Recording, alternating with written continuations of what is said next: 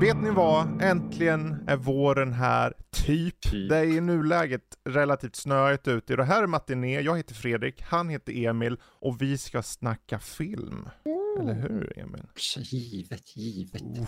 Och det är så här, det finns ju vissa filmer som har förändrat, eh, vad ska man säga, just idén av vilken typ av, eh, vi, hur en genre ska vara. Om vi snackar i det här fallet Blade Runner och sci-fi, så för eh, mig direkt tankarna till exempelvis eh, anime med Ghost in the Shell eller Akira och liknande och varför inte Matrix längre fram och allt det här. Att det finns den här dystopiska framtiden där eh, vi har förslavat replikanter och låter dem göra vårt skitjobb. Medan eh, en del av mänskligheten är kvar på den här dystopiska världen som kallas jorden, medan merparten är off-world. Mm. Ja, som ni märker, det är Blade Runner vi ska snacka om. Eh, och jag tror, jag tror att många har blivit färgade av den rent så här kreativt. Om vi börjar i Onekligen. den änden. Ja. Ehm, har du några bra exempel på, för innan vi går in på filmen, tänkte jag, det är väl intressant att veta, vad tror du den har gett för ringar på vattnet Det, alltså, i filmvärlden liksom? det är ju rätt vansinnigt hur mycket den egentligen har varit eh, inflytelserik på så mycket vi tar del av idag utan att ens tänka på det. Det största fenomenet nu senast jag kan komma på är ju typ cyberpunk, alltså Mm. eh, 2077. För det, det osar ju av den här estetiken fast du vet vridet till 11 lite grann som Sa- Precis. eh, Blade Runner ändå la grunden för. Och som du var inne på med eh, Akira och, och mängder av olika animéer, Ghost in Mm. the Shell, det, det är så mycket där som har hämtats, eller inspirerats i alla fall ifrån vad eh, Ridley Scott och de gjorde med Blade Runner. Eh, och det är, det är så fascinerande att en sak, Demon Souls exempelvis, kan Mm. lägga en grunden för en genre och här har vi Blade Runner som lägger grunden för en estetik som Mm. eh, är utan tvekan någonting som om man tittar på omslagsbilder och sånt jag har gjort för YouTube eller för Nördliv överhuvudtaget, de jag har gjort, så Mhm. genomsyras de av någon så här neodystopisk eh, estetik Precis. utan att jag ens har tänkt på att det är förmodligen från Blade Runner. Ja, exakt. Exakt. Det är ju någonting med den här stämningen och den här atmosfären som filmen, för jag menar, det finns, man skulle nästan kunna indela just det här avsnittet i delar som att först har vi det visuella, sen har vi det narrativa och sen har vi eh, meningarna, undermeningarna, det kontemplativa, ungefär som det existentiella i, i filmen som tas upp Mm. indirekt. Även om de har en del action liksom och så, så, så finns det frågor. Och det, jag, jag märkte när jag satt med Lotta efteråt och vi pratade och pratade och pratade om saker och ting. Eh, hon avskydde hur karaktärerna, eh, det fanns ingen karaktär, hon tyckte allt var äckligt. Oh. För att det finns ingen karaktär, tyckte hon då, som på något sätt visar sig vara bra. Alla har en, en jag vet inte, vi skulle egentligen bjuda in henne för det i så fall, men det, det fanns bara någon slags äcklig distansering och kommersialisering och egentligen avsaknad av mänsklighet uppfattar hon det. Intressant. Ja, och det, jag tror inte det hjälpte av den här scenen när eh, Deckard, ja, Ja. när han tar sig an att uh, kyssa eh, Rachel och eh, det blir mer. För den är ganska så här, jag ärligt talat rygga till också när jag såg Mm. den. Jag kommer inte ens ihåg den. Eh, Är på det sättet. regel Utan han det. slår näven i väggen, dörren där och tvingarna känns det som. När man tittar på det. Men det finns en psykologi här och jag tror vi kommer komma tillbaka till den. För jag har, man måste ta det ifrån vad säger regissören? Vad säger berättelsen? Vad, vad är undermeningen i allting? Men vad är då vad är då grundberättelsen? Det här beskriver en framtid där genom genetik konstgjorda människor tillverkas och kallas då replikanter. Och de anställs då, anställs är väl fel ord, men de är typ slavar i, i det att de ska göra de här farliga jobben som människorna inte vill göra i de yttre kolonierna. Tillverkad av Tyrell Corporation under mottot eh, fler människor än människor eller något sånt där. Jag kommer inte ihåg vad mottot var. Eh, och då är det framförallt Nexus 6-modellerna som är då de här modellerna som, som kommer till jorden och letar efter någonting. Vad är det de letar efter? De letar efter ett sätt att förlänga sitt liv. Men indirekt, meet your maker lite grann. Roy Batty letar ju upp vid senare tillfället eh, skaparen. Så. Det kanske inte går som skaparen hade tänkt sig i den situationen om man säger så. Men eh, om vi börjar med det visuella, för det, det, första man slås av är egentligen hur de tar de här, de tar, han, Ridley Scott tar ut på längden av, av visualiseringen i, i shotsen på något sätt. Han låter det nästan bli en väldigt tydlig visual storytelling upplever jag det som. I att, eh, okej, okay, du sätter upp atmosfär, du sätter upp världsbygge. Världsbygget är ju det som har fascinerat folk sedan, sedan den kom. Yeah. Vad känner du? Du som är faktiskt regissör här. Uh, det, det, är intressant för jag har haft uh, samtal med folk som är fans av, av Blade Runner om just hur storytellingen funkar i den här. Mm. För man kan ju diskutera hur storyn i sig är. Mm. Och den är egentligen, alltså den är bra men kanske så här, lite generisk om man mm. lägger ut den. Men hur den presenteras, särskilt i, i jag såg i Final Cut-versionen, mm för där kan man ju också gå in i, och den, nästan en podd i sig. Så. Eh, men det är så mycket visual storytelling som lämnas till publiken och, och, och så att tolka in och snappa upp just i miljön. Eh, vi ser väldigt mycket typ eh, låt oss säga japansk eller kinesisk reklam mm. exempelvis som man kan se som att eh, ja men de har ju alltid varit i framkanten av teknik och varför mm. skulle det inte vara så i framtiden också att de till och med om man tänker ur ett late state capitalism sätt tar mm. över allt och äger allt. Precis. Tencent exempelvis mm. äger extremt mycket så det skulle inte alls förvåna mig om, det blev så i framtiden. Uh, och många tycker att det är lite förvirrande och behöver exempelvis den här berättarrösten som är ökänd nästan från tidigare versioner av, mm. av Blade Runner för att få en hjälp eh, mm. att leda sig igenom den. Vilket jag förstår. Jag själv tycker mm. att det besegrar poängen mm. med att, just som du var inne på, att ta del av världen och, och, komma in i den på det här visuella sättet. För att det är väldigt långa tagningar där egentligen ingenting händer. Men de berättar extremt mycket mm och, och Vangelis musik där ökar de, den, eh, de scenerna till, till 11 i hur mm. jävla inlevelsefulla eller rika de blir. Och bara det att vissa saker presenteras som eh, att, att ja, vi har de här yttre kolonierna och människorna bor typ inte kvar på jorden. Och när de har ett möte i början där om att eh, Deckard ska leta upp de här eh, replikanterna så säger de att, eh, han säger varför skulle de återvända till jorden? Mm. Och det är så intressant för att det är nästan första gången som jag i alla fall uppfattat, oj, och vänta här nu, jorden är en cesspit, det, det är en skithåla. Yes. Precis. Men han hänger där för att han bor där, det är hans ställe liksom. Men det är fortfarande så här, varför skulle någon när de har chansen att sticka återvända hit. Mm. Det, och jag behöver inte ha någon som säger jorden, det var en övergiven plats. Jag bara, nej, tyst, låt mig uppleva det själv. Så jag tycker verkligen att det visuella i, i Blade Runner är något av det som gör att vi fortfarande pratar om den i den uh, mån vi gör. Mm. Jag vet inte om det svarar frågan, eller på frågan för att det här är en sån där film som jag själv ständigt tänker att jag vill återvända till och försöka göra någonting så extremt inspirerat av. Mm. Och jag tror aldrig att jag kommer komma i närheten av att göra det, eller uppnå den känslan jag får av att se scener ur det här. Nej. Det är så imponerande. När, när jag satt och såg på den här med Lotta så slogs jag av det faktum att jag insnärjdes i dess visuella stil på ett sätt som gjorde att jag inte kände att den var från 1982. Den blir tidlös. Eh, det kan ju hjälpa att Final Cut som jag tittade är, jag kollade en remasterad eller något tror jag det var. Mm. Och den är så snyggt visualiserad. Det är så, jag menar bara att de för in, det är ju inte bara det här med snygga bakgrundsbilder, vad heter det? Matte paintings. Matte paintings. Mm.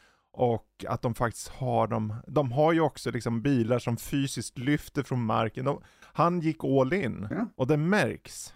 För du nämnde det med språken till exempel. Jag tror för mig, när jag tog, när jag, som vi prat, de pratar ju många olika språk, det är som ett sammelsurium av språk. Mm. Och poängen är att allting har alla kulturer har börjat föra samman och blivit en enda kultur. För så, led, så blir det i slutändan att om du, om du blir isolerad till vår planet och du har de här språken och de här kulturerna kvar så är det oundvikligt att de förs samman sakta men säkert. Och även om man kan se det som, jag vill vara lite positiv där och säga men det må vara en dystopisk värld, men vem som helst kan prata med vem som helst, känns det som. Och just det faktum att man har bryggat det, ja, alla är på en låg nivå. För det är mycket så här fråga om låg status, hög mm. status. Tyrell själv är ju typ, han bor ju för fan i en stor jävla pyramid känns det som för fan. Som en, som en nästan som en farao liksom. Yeah.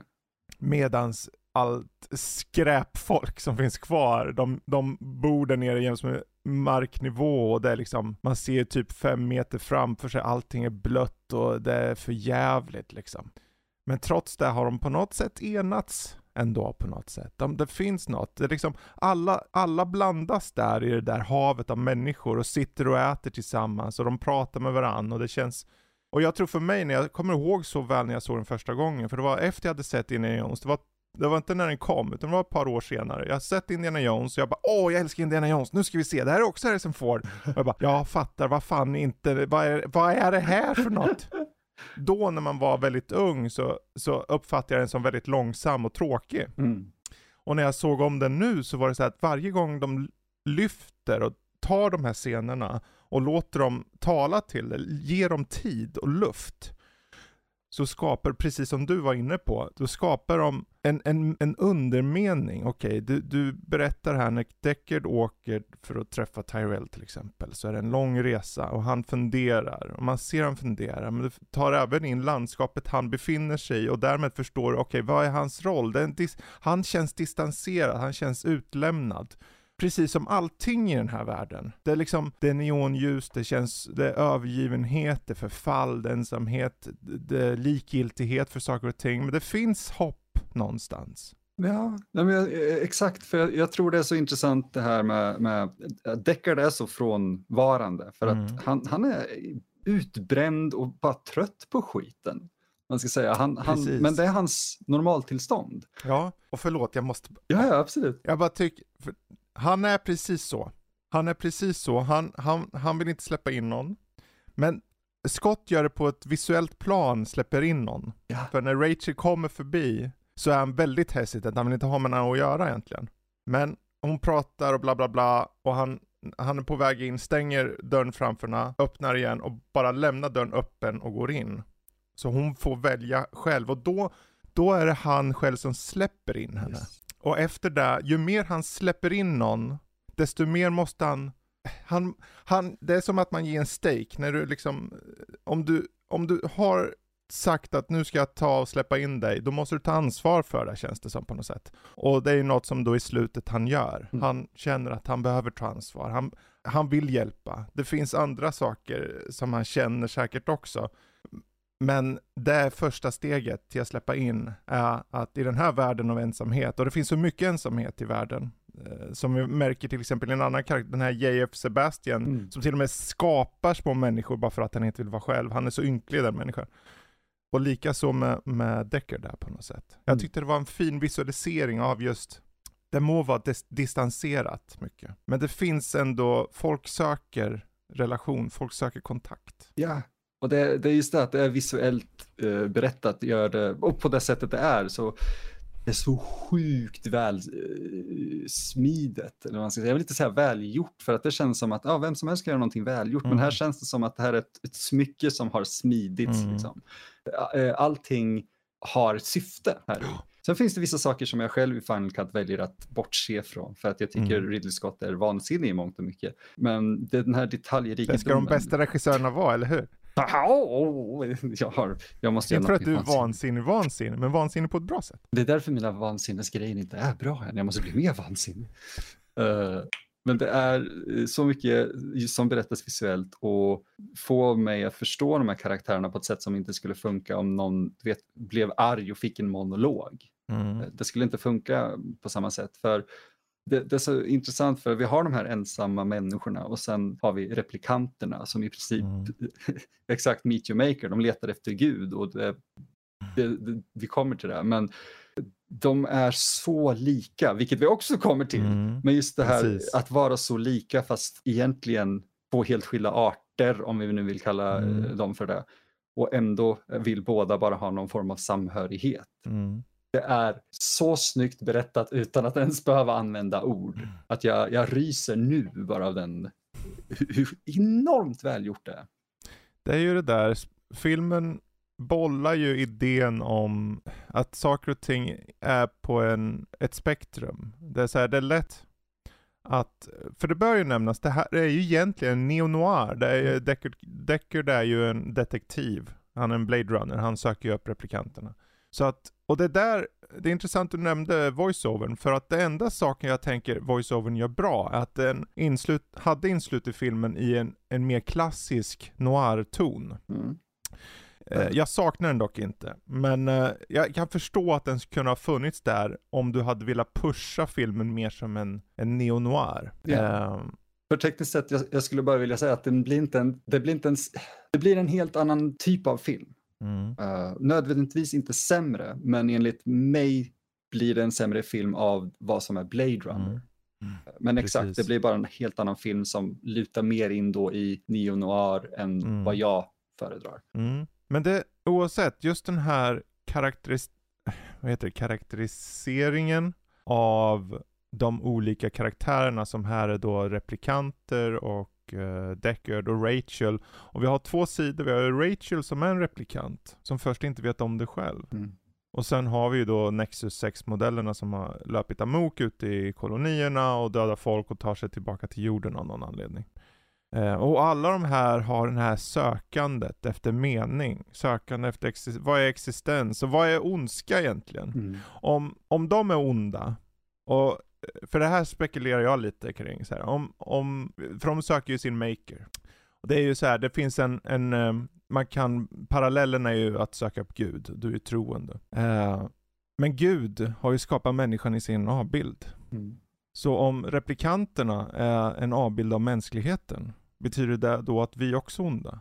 Å andra sidan, i och med att de visar sig inte vara fullt onda, för det är så här, de må döda saker och ting och de, så här, ena stunden har de empati eller inte, men de har empati för varandra. Det Mm. märker vi med Roy Batty. Oh, ja. Då finns det ju godhet där. Och i sista Mm. saken han väljer att göra, Roy Batty, är ju ett tecken på att okej, om nu de är en avbild av oss, så uppenbarligen finns det något gott där. Och det goda leder till att Deckard tar sig tillbaka till Rachel och räddar henne. Så man kan, och är det, är det på grund av valet Roy gör? Indirekt, för han skulle inte ha levt annars.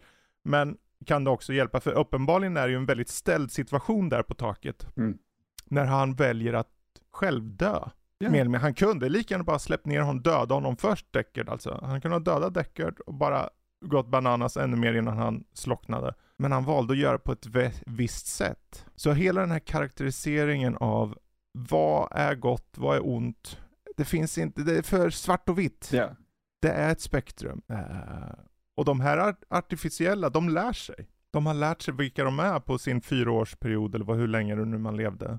Så att eh, jag tycker all, det, det får så många frågor att, att poppa upp ur mig och vilja liksom, jag vill prata om det och få höra vad andra tycker och, och så vidare. Så att jag, jag vet inte, det är en uppsjö av frågor som bubblar under ytan i den här filmen. Och då är det en film som du också kan titta på bara för att du vill ha lite action om du så eh, vill ha det liksom.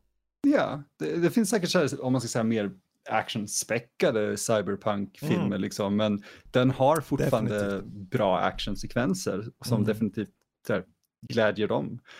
Men just hela den här filosofin med eh, att när väl Roy möter Gud, om man säger så, när han möter eh, Tyrell och märker att det här kommer inte, det här är inte vad jag förväntade mig. Nej. För vad skulle det, vad, vad är det någon förväntar sig egentligen? Alltså om man kollar i religion eller sådär, det är ofta någon profet eller så, de har, inte profet, men någon som söker Gud och söker svar har ofta ett uppdrag, den frågan de vill få svar på och det är inte Mm. alltid de får det. Nej. Eh, och det är nästan som det här Don't meet your heroes på något vis. Mm, Fast, precis.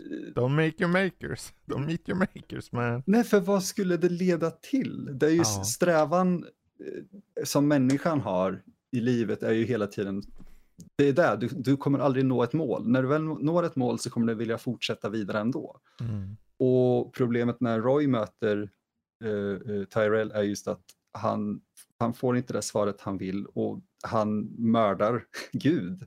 För Mm. att Gud kunde inte ge honom det han behövde. Och jag tror inte han mördar honom så mycket av, av hat, så mycket som en enorm sorg och frustration över att Exakt så.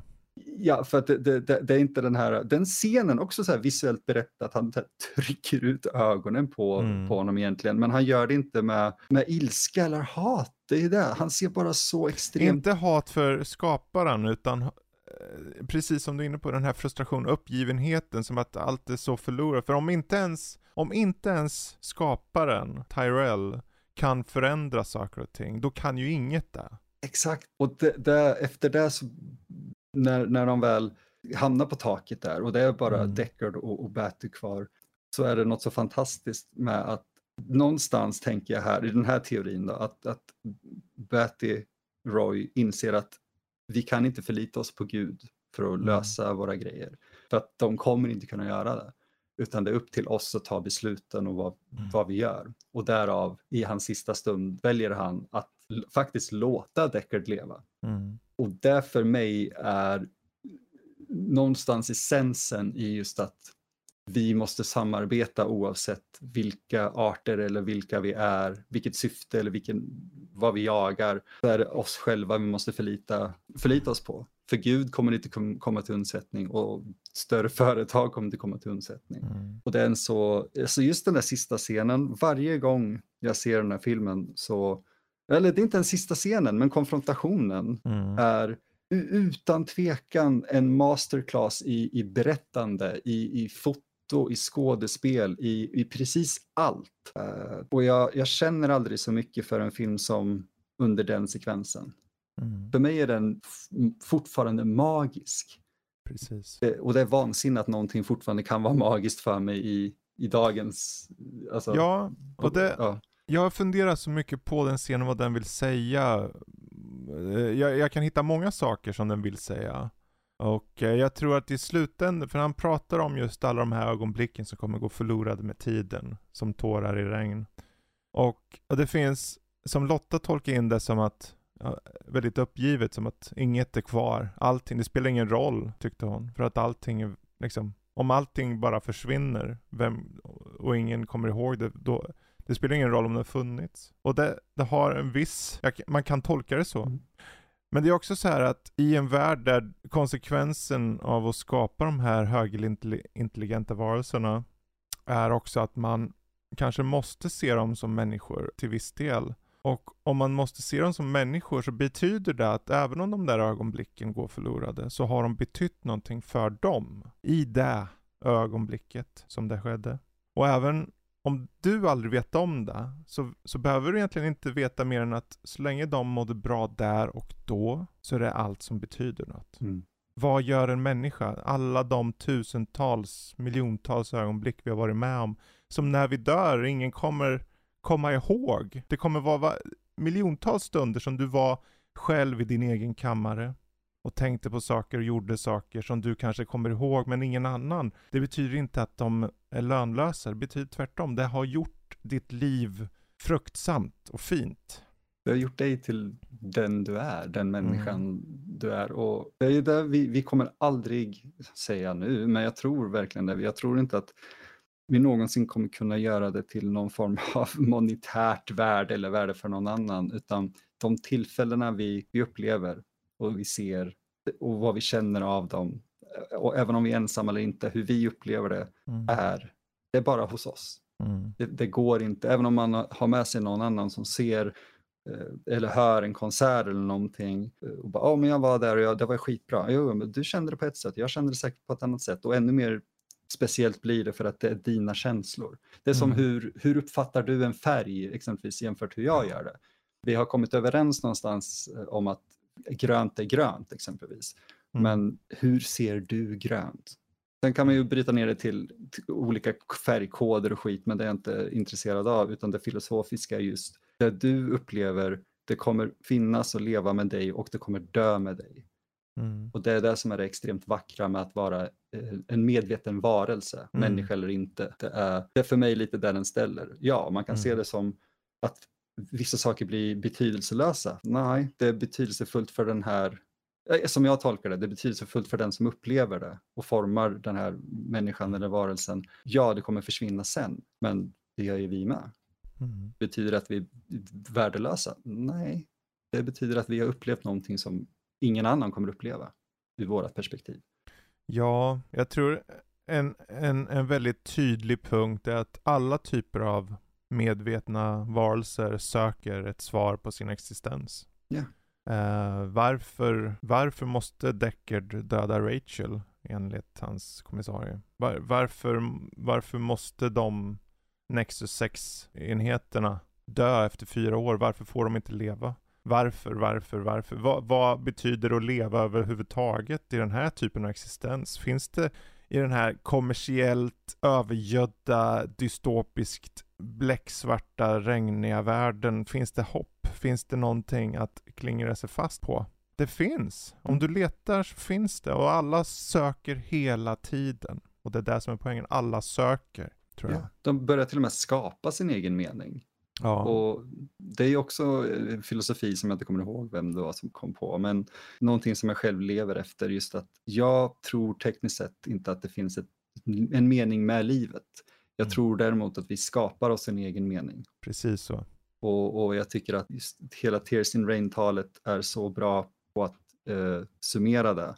Man måste självklart tolka vissa saker i det och sådär, men det är just Mm. alla de här sakerna han pratar om att han som en robot har Mm. upplevt, men han kommer ihåg det här och ni, sk- människan skulle aldrig förstå.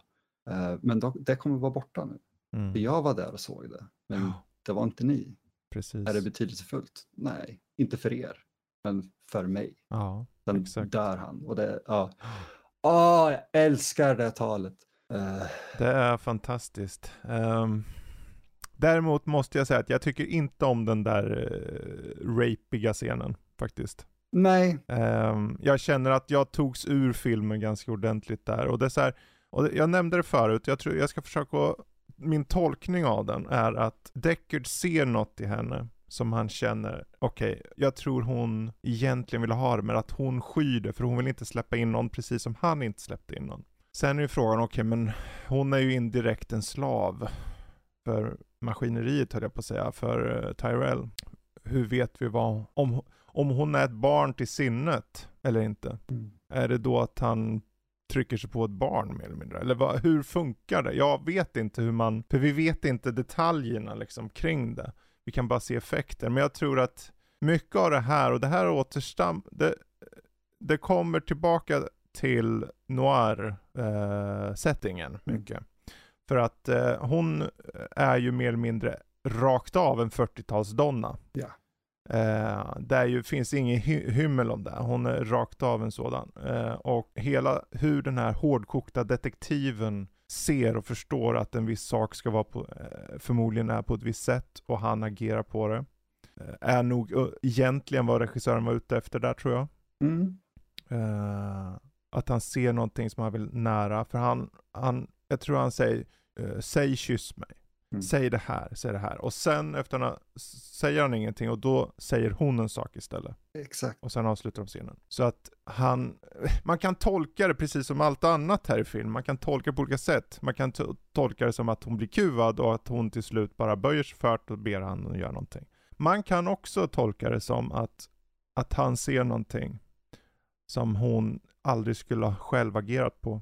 Och han har inte eh, heter, intuition nog att förstå att det är rätt val han gör. Och att hon därefter också inser och släpper efter och faktiskt vill. Jo, Det är väl lite åt det hållet jag ändå försökte tolka det, för jag reagerade också på den scenen nu när jag såg den. Jag tror, med tanke på att den är gjord 1982 också, eh, så tycker jag att de hanterade förvånansvärt väl jämfört med hur lång Mm. tid det ändå skulle ta innan det hände. För att det är just det, han, eh, han leder henne lite grann med de här frågorna, eller säg det här, Mm. säg det här. Och jag ser det, jag har tolkat det lite som att han ändå, han försöker få en respons som är mänsklig eller medveten. Mm. Och just när hon då säger en sak själv, när, eh, det är det, många, man kan prata om pressad och, och så. Och absolut, det är den tolkningen man kan göra. Jag, jag har bara försökt att se det just för hur karaktären funkar. Mm. Eh, vad är det han vill få ut av det? För jag tror inte Deckard är någon som utnyttjar någon bara sexuellt. Och just när hon då får en möjlighet att själv ta ett initiativ, Mm. det är då det går vidare. Och han, Ja. inte bara för det sexuella utan för, okej, det finns någonting mer här. Eh, Ja, jag, jag tror du är på rätt väg här. För jag tror att intentionen är att Deckard vill trigga en emotionell respons. Ja. För han vet hon håller på dem. Hon håller dem inom sig. Hon vill inte få fram dem. Hon, hon repressar och repressar och repressar. Precis som hon, ja, jag menar hon har ju blivit matad med minnen till och med. Så Mm. att hon, sen att förstå att hela hennes liv påhittat så repressar hon saker och ting. Så till den grad att hon vill bara dra Mm. när han vet att okej, du behöver släppa ut. För Så kan man tolka det också. Ja, för att vi har ju ändå sett att replikanter kan känna och ta egna Mm. beslut. Och jag tror han försöker göra en, tri, trigga en sån respons som inte leder till mord. Eh, Mm. Och jag tycker det, just att det hamnar i en sexuell situation, eller åtminstone en, en intimt laddad situation, Mm. är något så fantastiskt för att det är ofta en spänd situation eh, när man hamnar nära någon. Man vet inte riktigt hur ska jag läsa av den här människan och så. Och det Mm. bästa sättet med en replikant är väl att se, ger den ett eget svar. Mm. Eh, det, det är det, jag tycker det är väldigt välgjort om man placerar det i kontext till vad det är som pågår och filosofin Mm. i allting. Hade det varit i en vanlig film, alltså 40-talsfilm så hade jag väl så här, ja det är 40-talet, okej. Bättre hanterat än många andra filmer, men det hade fortfarande varit mer problematiskt än vad jag tycker det är här. Mm. För det, det finns så många tillfällen med, med Sebastian exempelvis och, och Pris där det hade kunnat eskalera till att det blir äckligt och, och, och våldfört. Men det hela, bara den biten, att, att Sebastian ser på Pris som en människa mer, man ska säga, Mm. än en replikant och nästan, han blir svartsjuk när hon och Roy kysser varandra eller när Roy kysser henne och han går, han blir obekväm i alla fall och han har inte Mm. försökt någonting. Nej. Det, det, det, det är fint på ett, alltså, Det, är det, det, det, är som, det, här är så intressant för man kan tolka karaktärerna så olika från person pe- till person när man tittar på filmen.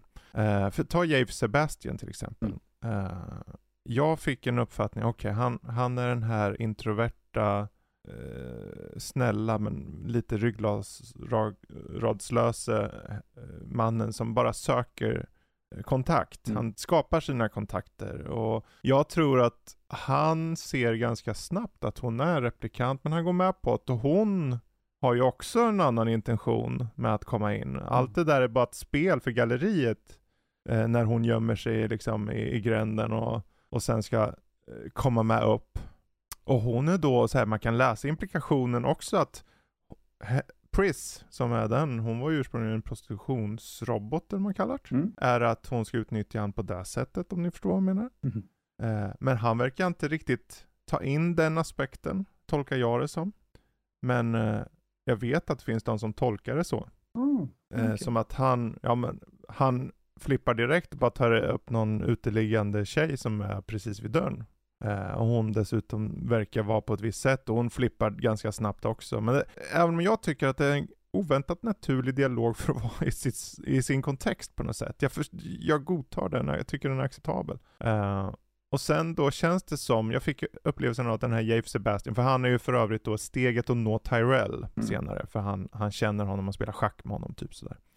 Så att när då Roy Batty kommer, helt apropå, eh, han blir lite skärrad så, men han är inte som andra, att han ändå är relativt öppen för dem. Mm.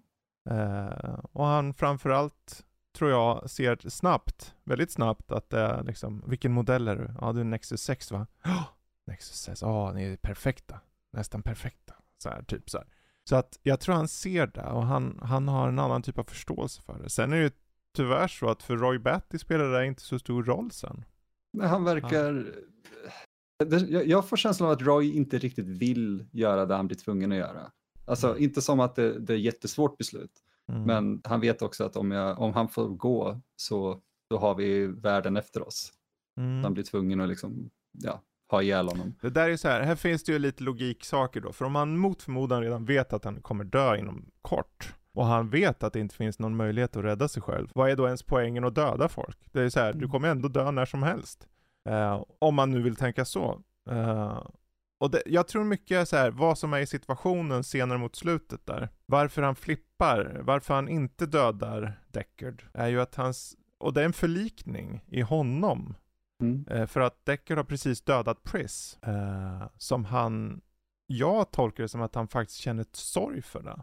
Eh, och hur ska han komma över det att just Deckard har det? Men det är så här, under hela den här jakten, för det i den här, han ju börjar ju jaga Deckard där på slutet. Och det är som att han vill på något sätt känna sig levande igen. Det är som att han vill känna att den här ruschen en sista gång eller något sånt. Eh, jag menar han, men slå mig, gör vad som helst. Det är lite Ferdinand där.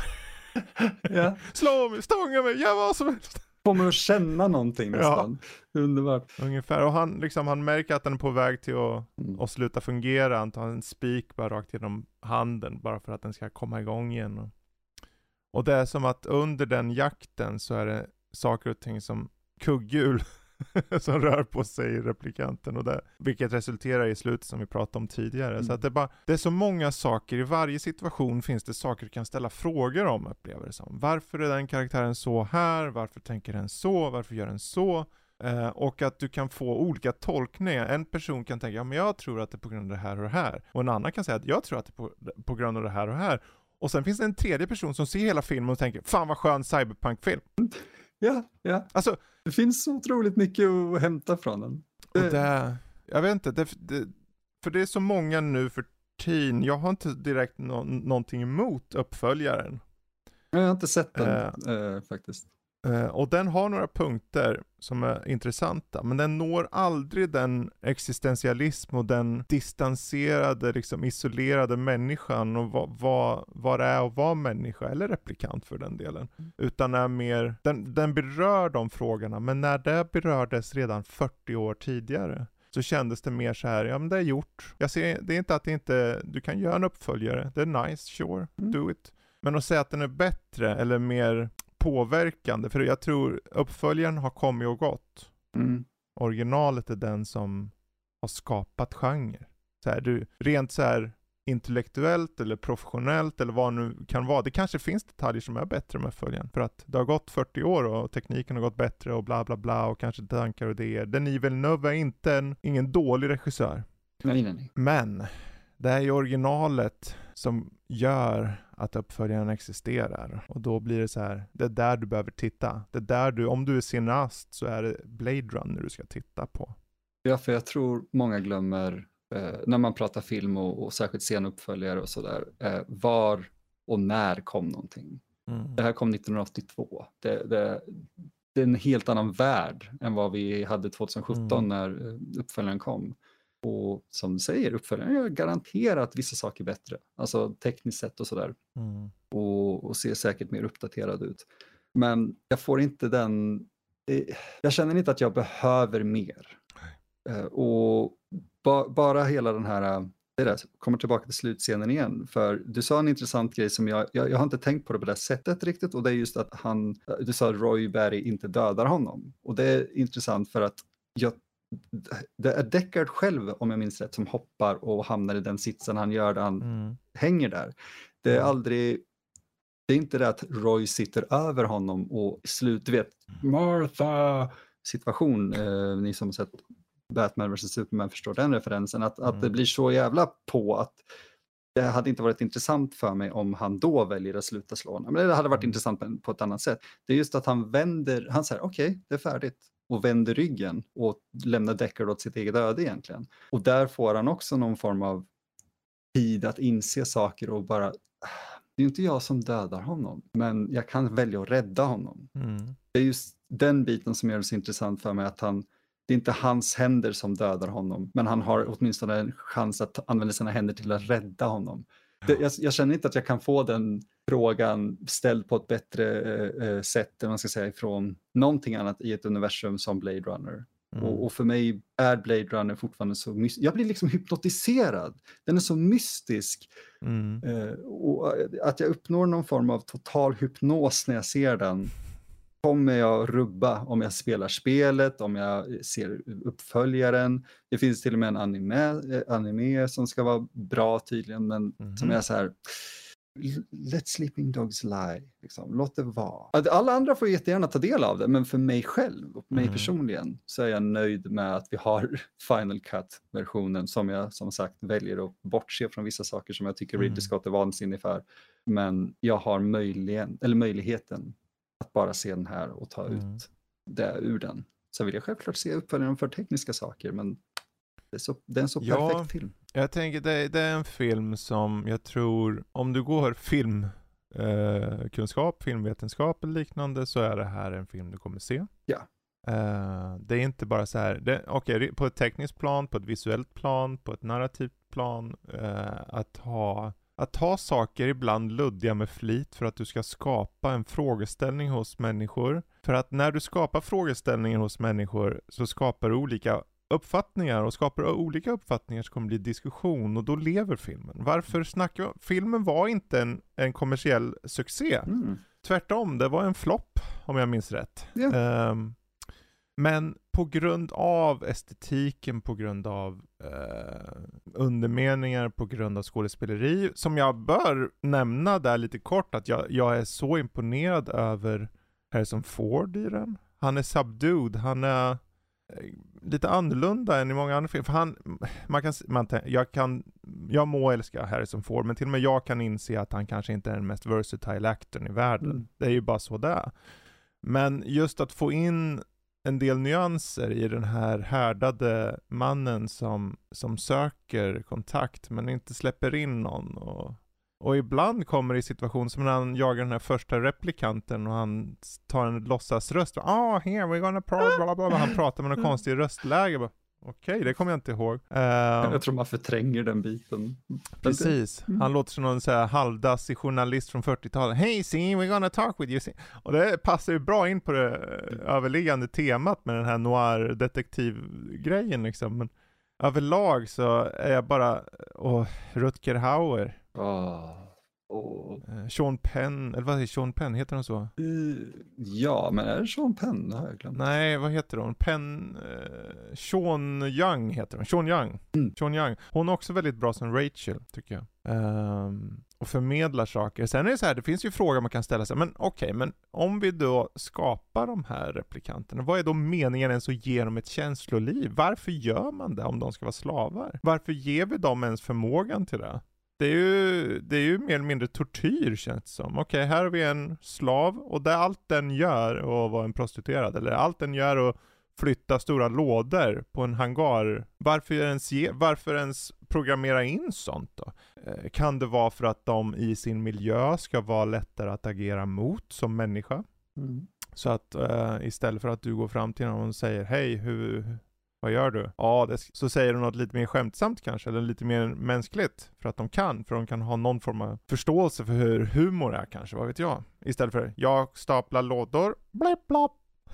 Ja, men det, Jag vet inte varför de har gett dem eh, känslor till att börja med. Det känns som en, eh, en konstig väg att gå för en AI som ska ha ett rudimentärt jobb. För I en värld där allting är så, men kanske är just det. Det är ju därför filmen är till för att tolkas. Kanske är till för att en människa, när människorna söker umgänge, när människorna söker kontakt, så behöver de också ha någon som kan ta emot kontakten, även om den är artificiell. Kanske är det därför. Jo, men vi ser det lite idag. Alltså med de här AI companions och allting. Jag tror till och med att den heter Replicant, den jävla appen. Oj då. Ja, eh, som är utvecklad av, alltså jag, jag ifrågasätter i princip allt med den appen. Mhm. För den skrämmer mig och dess eh, originalavseende är extremt otäckt istället för terapi. Men den eh, finns ju där till viss del för att människor ska kunna ha någon att prata med för att de är ensamma. Ja. Och medan det är där, jag, jag litar inte alls på att dess syfte var bra från början. Jag tycker det är hemskt. Man får spana in varför replikant finns och så. Men man ser ändå att den på något vis börjar lära sig i hur människor använder den. Det är väl som den här ChatGV-box eller all, Mm. allt det här med AI. Algoritmer. Algori- exakt. algoritmer, algoritmer. Och jag, jag, är, jag tycker det är vansinne, mycket det här med Mm. algoritmer och många som eh, använder AI för att ersätta typ konstnärer och sånt där. Mm. Eller ersätta är fel ord, men det blir det. För att en, en Mm. kund kommer inte bry sig om att det är en AI som har gjort en bild de är nöjd med eller en konstnär bakom som Mm. får lön för det. Så, så mångt och mycket blir många utbytta och jag tror de här replikanterna i, i, i det här universumet ändå någonstans vet, har börjat, ja, vi vet ju kanske inte, men börjat lära sig, har säkert upp i boken, för det är ju en bok från början, uh, lära sig hur världen funkar på något vis. Mm. Och sen har vi ju inte de här eh, Asimovs typ tre regler om en robot ska inte skada människa, en robot, ja, men, ja, jag kommer inte exakt ihåg alla reglerna på rak arm, men det är ointressant för att det här är en annan version av det. Och någonting som ändå, jag, jag tror Scott till viss del var intresserad av att utforska närmare just eh, den här replikantbiten eller en AI-bit för att vi hade ju Bishop, nej inte Bishop i, i första Alien, men vi hade Ian... Jo, han var android. eh, Det var Ian Holm Ah, ja, i första. Ian Alien. Holm var det ja. ja. Eh, Bilbo. Bi- bi- Ja, precis. Och det, jag tycker det är ganska intressant att där i blir det ju samma sak, att den spårar ur. Men Mm. den spårar ur på grund av programmering om att du ska skydda den här organismen. Precis. Så Ja, det finns ju corporate intressen där som, gör, som dikterar vad han ska göra. Det är inte att han är ond i sig, det är bara att han gör vad han ska göra för att det är vad han är sagt att göra. Eh, Medan de här nu söker en egen mening liksom. ja. Ehm, Och var kom den tanken ifrån? Ja, ja det är så här. På något sätt så finns det ju en framtidsvision här som både är cynisk men också lite hoppfull på, på samma gång. Ja. Ehm, och det är intressant, du nämnde just att Replicant finns som någon slags AI-app eller någonting. Ja. För så här, många gånger med teknologi så är det ju det farliga att har du en gång öppnat något så kan du inte få tillbaka det in i lådan igen. Mm. Det är liksom, eh, AI nu har jämförts med att samma påverkan som internet, samma påverkan som ja, mängder av de här större eventsen. Mm. Liksom.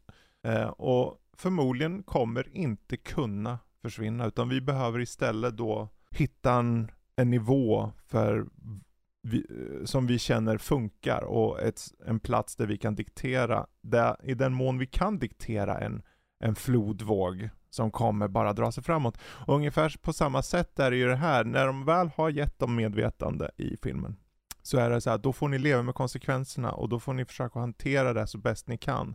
Eh, Jag kan inte säga att de, om de har gjort det bra eller dåligt i den här världen, för att de väljer att bara eh, pensionera dem med hjälp av eh, Blade Runner, så det är bara döda dem. Det är det som gäller. Ja. Och då har vi, och Lotta nämnde en intressant detalj, den karaktär hon kände mest med var den första replikanten som var den här eh, ormtjejen. För hon tänkte den här har försökt komma in i samhället, det verkar som att den bara vill göra vad den vill. Och sen blir den skjuten på öppen gata Mm. och ingen bryr sig. Det tyckte hon var så här. och jag för min del så här, hon har ju, den här replikanten är döda folk och så, så att den är ju jagad. Och kanske folket är vana och så, kommer jag med som förslag. Men jag kan förstå henne också att om du som replikant söker någon form av mening, så bara ta dig in i samhället och hitta ett jobb och försök att leva. Är det bra? Är det dåligt? I don't know. Vi söker som sagt alla mening. Mm. Jag vet inte, jag tycker det är bara mest intressant hur folk kan hitta så många detaljer och tycka det här och tycka det här och tolka det där och tolka det här. Som gör att filmen kommer ha betydligt längre livstid än en replikant. Jaha, det var nice, det var bra. Så att det, och det har vi redan sett, för det är ändå 40 år sedan den kom. Ja, Så att, eh, jag vet inte, det är ju en film som på många sätt är en masterpiece, Mm. känner jag. Eh, på ett visuellt plan, på ett narrativt plan, på att skapa frågor hos tittaren. Du Vilket ju- kan ta ifrån filmen att det är bara, okej du jagar robotar som är galna. Du kan det, och du räddar en tjej på slutet. Eh, man Men det är upp till dig. Ja, jag kan inte...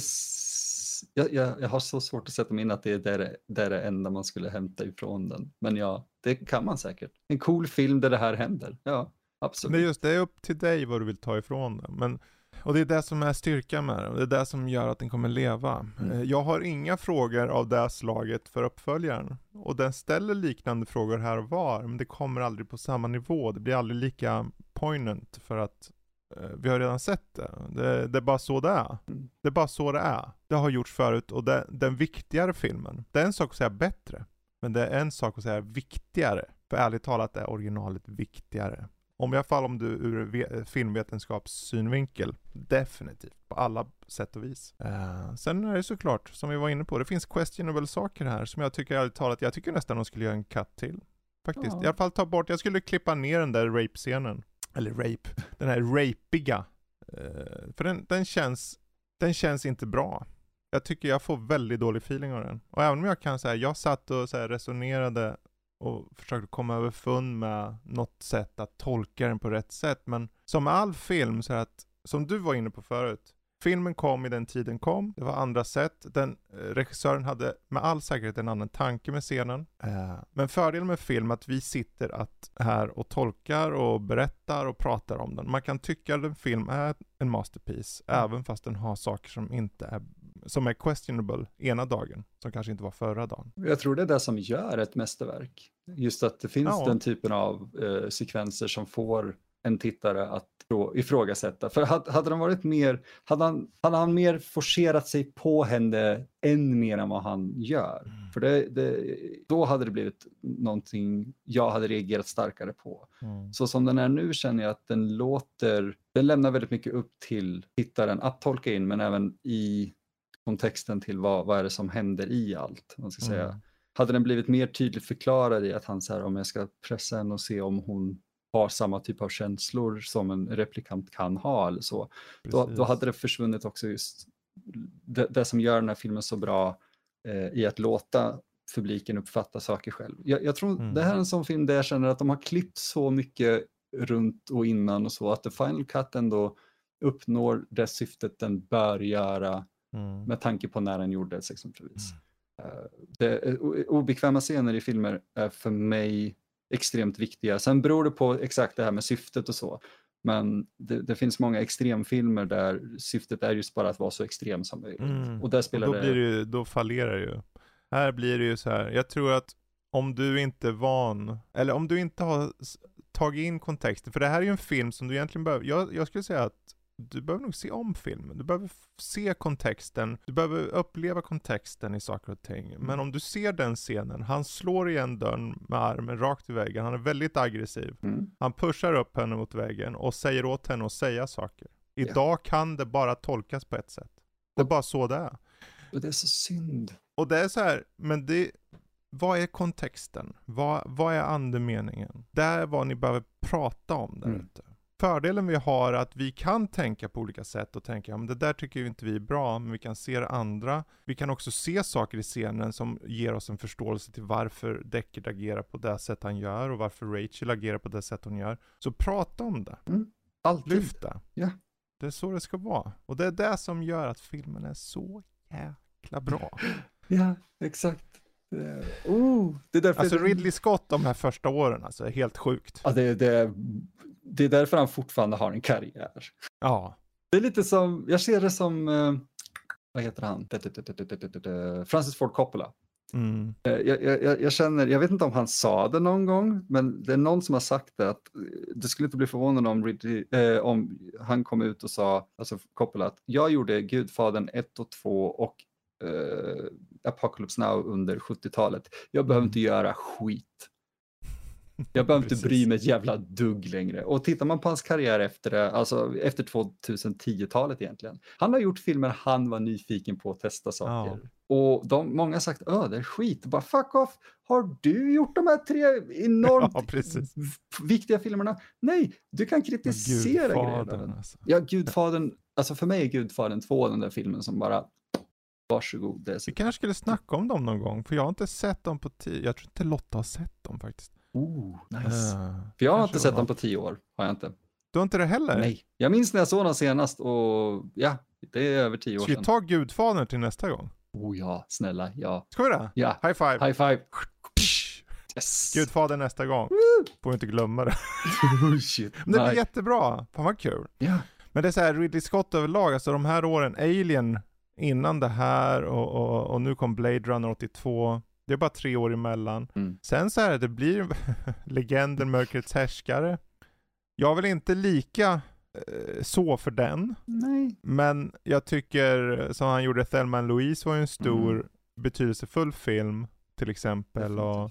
Gladiator har vi ju pratat om och det finns ju filmer här som, som, som växer på en, som ställer frågor, som letar, borrar in sig i kroppen och, och mjölar in sig lite så här. Nu ska du må lite illa här ett tag. Ja, han, är, Eh, han var bra på det. Han sen, var bra på det. Sen fick han mig att må illa av andra anledningar när jag såg Prometheus. Liksom. Ja, ja, det där är intressant. Jag, jag nog mår mer illa av uppföljarna till Prometheus bara för att, okej om du provar att gå en ny väg, Mm. stick with it åtminstone. Ja. Om du vågar så mycket och sen inte vågar alls, då blir jag ledsen.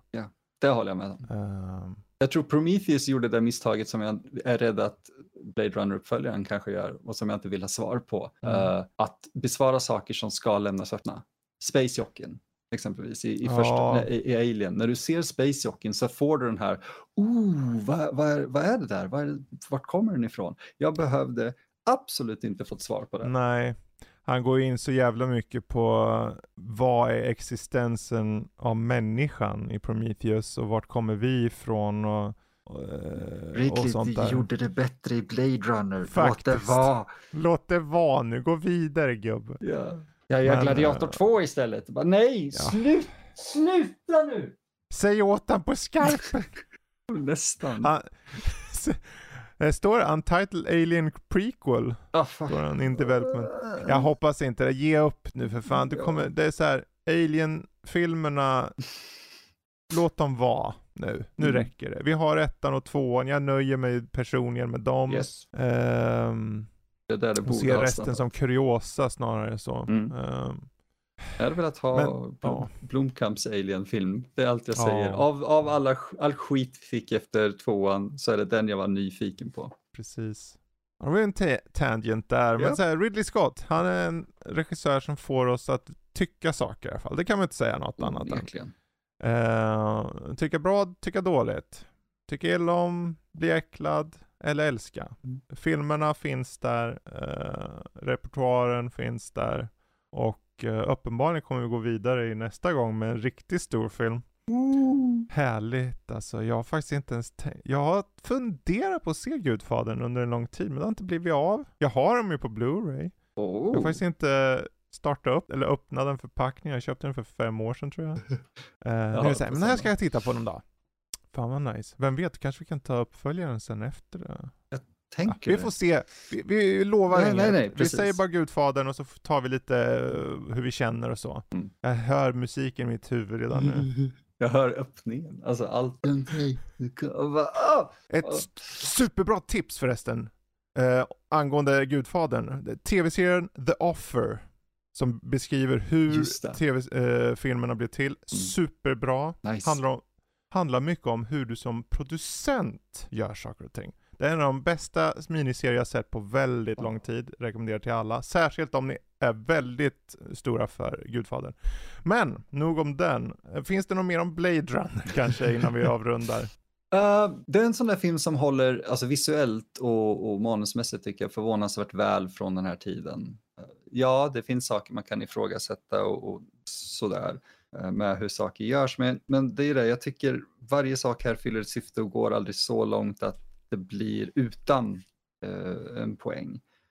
Så jag tycker, ska man se, man bör se Blade Runner, bör man, bör man och man bör se Final Cut-versionen tycker jag. Sen kan man börja om man är nyfiken på de andra, se vad de gör. Mm. Men det är onekligen en inflytelserik film som, är man intresserad av cyberpunk-estetik eller neo-noir och, och neon bara exempelvis och Så dystopi. jävla mycket neon. Så jävla mycket neon! Och jag älskar varenda stund av det. Så bör man tveklöst se Blade Runner. Det finns inte, alltså det är originalet. Mm. Du då? Håller med bara. Du sa det och du sa det bra. Det är så här, det finns få filmer som skapar eh, bara en visuell stämning som Mm. den här. En, eh, en, en, en kombination av musik och ljud och narrativ som, som låter dig färdas till en plats du aldrig trodde att du skulle kunna besöka. Exakt. Eh, Blade Runner. Se den. För att avrunda vill jag bara säga att eh, själva filosofin ställs så fint i, som fråga i Philip K. Dicks eh, roman som ligger till grund och det är just Do androids dream of electric sheep? Mm. Det är en sån där titel som bara väcker Precis. tusen frågor. Så, uh, Precis. Ja. Precis. Men det var den här, det här avsnittet. Vi hörs igen om ett kvartal.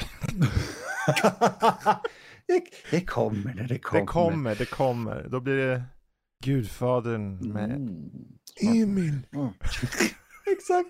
Ah, Don. Emil. Don Emil. Åh oh, nej, vi kommer bara sitta och göra massa bomulls och ostfyllda kindesrester.